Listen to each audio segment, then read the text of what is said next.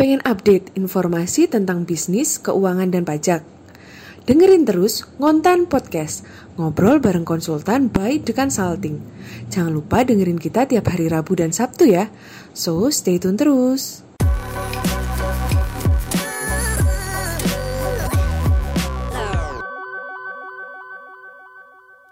Oke, uh, jumpa lagi dengan saya Lukas Tiawan dari The Consulting Business Consultant. Uh, gimana kabar Anda? Semoga selalu sehat, selalu sukses buat kita semua, ya.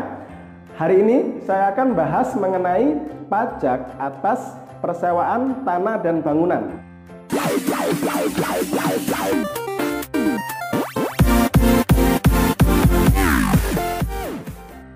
Buat Anda yang punya bangunan atau punya tanah yang kemudian Anda sewakan gitu ya, ada aspek perpajakan yang harus Anda penuhi gitu ya. Jadi uh, kita nyewakan itu juga ada aspek perpajakannya. Jadi penting buat Anda untuk uh, melihat video ini supaya Anda tahu uh, pajak apa aja sih yang terkait dengan transaksi persewaan bangunan gitu ya.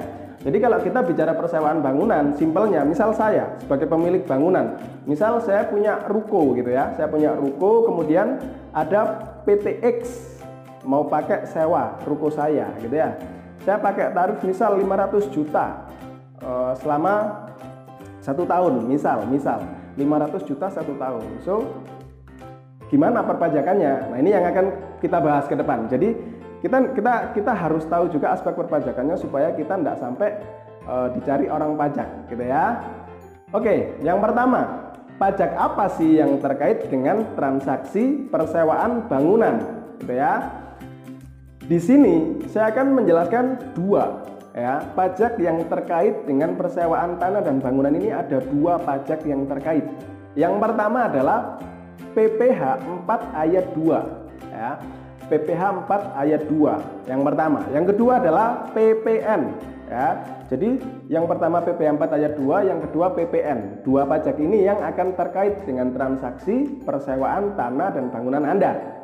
Detailnya seperti apa? Mari kita bahas uh, satu persatu gitu ya yang pertama, PPH pasal 4 ayat 2. PPH pasal 4 ayat 2 ini uh, akan apa uh, si pemilik bangunan gitu ya si pemilik bangunan itu akan menerima bukti potong. Jadi di sini saya membahasnya dilihat dari sisi pemilik bangunan gitu ya. Jadi uh, ini video ini buat anda yang punya bangunan dan anda akan menyewakan gitu ya. Jadi buat anda pemilik bangunan PPH 4 ayat 2 ini itu biasanya adalah kita terima bukti potong dari uh, si penyewa. Nah, misal tadi saya sewakan ke PTX, berarti si PTX akan uh, kasih bukti potong itu ke saya. Nah, gitu ya.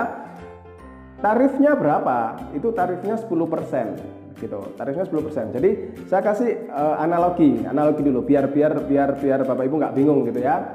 Jadi misal 500 juta nih saya kasih sewa dia si PTX ini 500 juta oke 500 juta itu akan dipotong PPh 4 ayat 2 sebesar 10% sehingga yang mereka bayarkan ke saya bukan lagi 500 juta tapi 500 juta dikurangi 10% eh, kurangi 50 juta gitu ya. Jadi tinggal 450 juta. Nah itu itu itu nanti dia kasih saya 450 juta terus mereka bayar ke pajak 50 juta.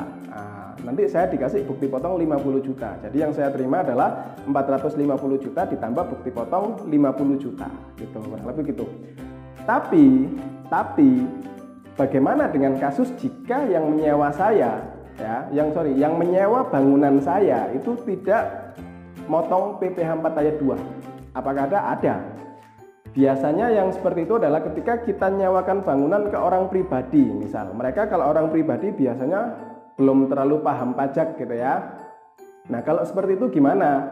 Kalau seperti itu kita bisa melaporkan sendiri. Ya, jadi biasanya kalau dengan contoh yang sama 500 juta gitu ya, kita dapatnya full 500 juta, tapi kita yang bayarkan ke pajak itu 50 juta, 10 persennya. Nah, alhasil kita tetap fisik yang kita terima, uang yang kita terima nanti 450 karena yang 50 harus kita setorkan gitu ya. Nanti kita ada bukti bayarnya itu sebagai bukti kalau kita sudah bayar pajak NTPN biasanya gitu ya.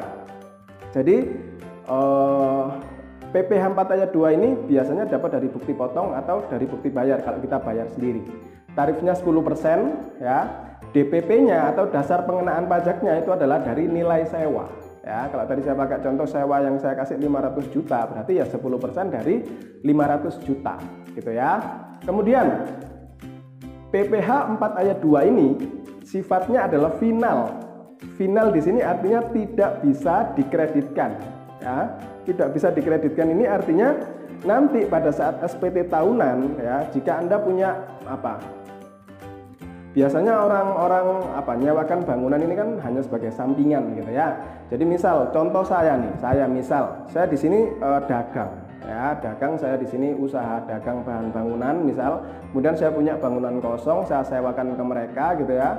Kemudian atas penghasilan sewa itu itu jangan dijadikan satu dengan peredaran bruto dagang saya supaya apa? Supaya nanti tidak dikenakan pajak lagi. Karena kalau dikenakan uh, dari usaha dagang saya nanti uh, omsetnya dari sewa akan menambah omset bruto saya, omset dagang saya sehingga dikenakan pajak dua kali. Nah, nanti dalam SPT tahunan itu harus dipisahkan.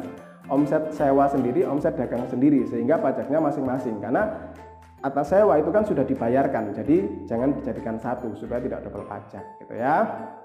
Dan itu karena sifatnya tidak bisa dikreditkan. Jadi tidak bisa mengurangi pajak atas SPT tahunan saya gitu loh. Jadi PPh final 4 ayat 2 sifatnya final tidak dapat dikreditkan. Nah, ya. Itu karakteristik dari uh, eh, PPh final 4 ayat 2, 10% dari nilai sewa. Poinnya di situ. Ya, dan tidak bisa dikreditkan. Oke. Itu yang pertama. Kemudian yang kedua, nah, yang kedua adalah terkait PPN. Nah, PPN ini seperti apa sih? Nah, PPN ini biasanya wajib, ya wajib dipungut apabila pemilik bangunan statusnya adalah PKP, ya statusnya adalah PKP atau pengusaha kena pajak. Nah, jadi biasanya kalau uh, si pengusaha ini, misal, nah, saya pakai contoh lagi, saya tadi yang sebagai usaha uh, bahan bangunan. Nah, kebetulan masih nama pribadi dan saya PKP karena omset saya di atas 4,8 M. Nah, begitu saya PKP, gitu ya, ketika saya menyewakan bangunan saya, maka itu harus dikenakan PPN 10%, gitu ya. Jadi begitu saya kasih sewa 500 juta tadi, maka saya harus setor PPN 10% ke negara. Nah, berarti uh, eh, 500 juta, 10 persennya 50 juta saya harus setor ke negara, gitu ya. Jadi PPN itu nilainya 10%. DPP-nya sama, DPP-nya dari e, nilai sewa yang disepakati ya, DPP dari nilai sewa yang disepakati. Kemudian atas PPN tersebut gitu ya, atas PPN tersebut. Jadi kan si si si pemakai sewa dia kan e, bayar PPN juga nih. Artinya begitu nilai tadi kan 500 juta, berarti saya tambahkan 50 juta gitu ya. Jadi 550 total nilai sewanya gitu ya termasuk PPN nah si penyewa tadi berarti kan dia kasih saya uang 550 juta sehingga dia punya PPN masukan 50 juta. Nah 50 jutanya bagi si penerima sewa itu bisa dikreditkan nantinya. Jadi jika dia PKP 50 juta itu bisa dikreditkan. Tapi kalau dia tidak PKP 50 juta itu akan menambah dari nilai sewa itu sendiri ya jadi PPN sifatnya seperti itu. Itu hanya berlaku untuk uh, si pemilik bangunan yang PKP. Tarifnya 10% dari nilai sewa ya. DPP-nya itu nilai sewa yang disepakati, kemudian PPN masukan itu bisa dikreditkan. Gitu ya. Kemudian, uh, sorry, ada yang ketinggalan sedikit terkait tadi uh, eh, PPh final 4 ayat 2. PPh final 4 ayat 2. Jika uh, statusnya adalah ber-PPN, maka perhitungan 10% dari PPh final ayat 2 PPh final 4 ayat 2 itu adalah nilai di luar PPN ya. Jadi meskipun saya kasih contoh tadi 500 juta, PPN 50 juta gitu ya, berarti kan 550. PPh final 4 ayat 2-nya 4 ayat 2-nya itu tetap dari 500 juta, bukan dari 550 juta. Karena PPN tidak dimasukkan dalam unsur perhitungan PPh final 4 ayat 2. Ya itu terkait uh, dua pajak yang berkaitan dengan sewa bangunan, sewa tanah dan bangunan gitu ya. Kemudian di sini saya kasih contoh ilustrasi perhitungan ya biar Bapak Ibu punya gambaran gitu ya. Di sini saya kasih contoh eh, apa transaksi perhitungan sewa properti gitu ya. Di sini ada Miss Ani gitu ya yang menyewakan bangunan ke PT X ya sama nominal sewanya 500 juta ya. Kemudian ceritanya Miss Ani ini orangnya apa? Dikenakan PKP per PPN sehingga. Nah, jadi 500 juta itu ditambah dengan PPN 50 persen ya 50 persen artinya 550 juta ya nah jadi si, si, si penyewa itu bayarnya 550 juta ke, ke, ke Miss Ani nah, jadi Miss Ani terima duit 550 juta oke tapi atas PPN tersebut itu harus disetorkan ke negara yang 50 juta ya. Bulan berikutnya ya akhir bulan berikutnya 50 juta atas PPN itu harus disetorkan ke negara. Nah jadi 550 nih dapat. Kemudian bulan berikutnya dia harus setorkan 50 sehingga sebenarnya sama aja dia dapatnya 500 juta gitu ya tapi balik lagi 500 juta itu tadi itu akan dipotong 4 ayat 2 PPh 4 ayat 2 50 juta sehingga si PTX akan memberikan uang hanya sebesar 450 juta secara fisik. Jadi 450 juta tapi ada dikasih bukti potong 50 juta gitu ya. Jadi 500 juta itu berupa 450 juta fisik, 50 juta bukti potong PPh sewa 4 ayat 2 gitu ya. Jadi si Miss Ani dapatnya seperti itu 450 uang tunai 50 juta sewa. Nah, kemudian dari sisi PTX dia akan punya biaya sewa 500 juta. 500 juta nih. Dan PPN masukkan 50 juta. Sehingga sesuai yang mereka keluarkan mereka keluar uang 550 juta 500 juta. Uh, sorry 450 juta untuk bayar Miss Ani 50 juta untuk bayar PPN juga ke Miss Ani tadi yang akan disetorkan ke negara bulan berikutnya. Kemudian 50 juta mereka bayarkan atas PP 4 ayat 2 ke, ke, ke, ke pajak 50 juta. Kemudian mereka kasih bukti potong ke Miss Ani. Gitu ya. Jadi sebenarnya secara nominal mereka keluarnya 550 juta. Nah, jadi dari 550 juta si penyewa PTX ini boleh membiayakan biaya sewa 500 juta dan mereka punya PPN masukan 50 juta gitu ya. Jadi sampai di sini sama-sama uh, fair gitu ya.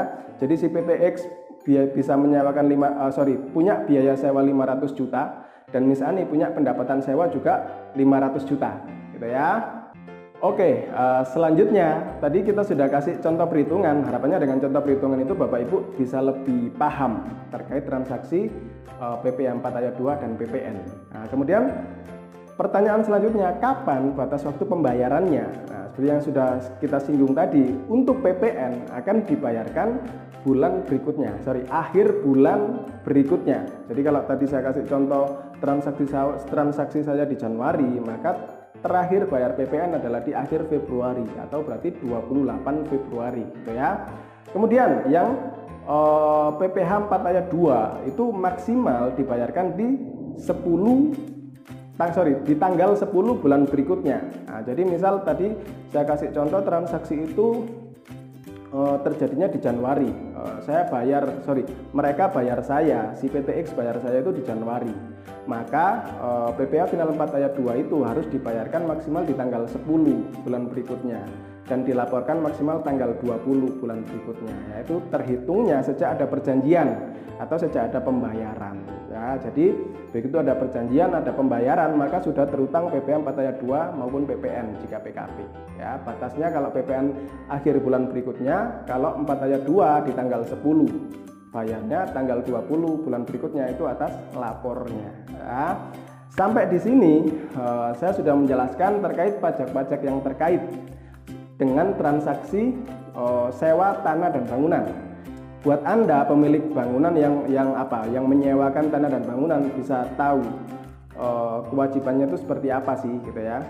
Jadi semoga bermanfaat buat anda dan anda bisa lebih aware terhadap uh, pajak anda. Sekian dari saya, terima kasih, salam sukses buat kita semua.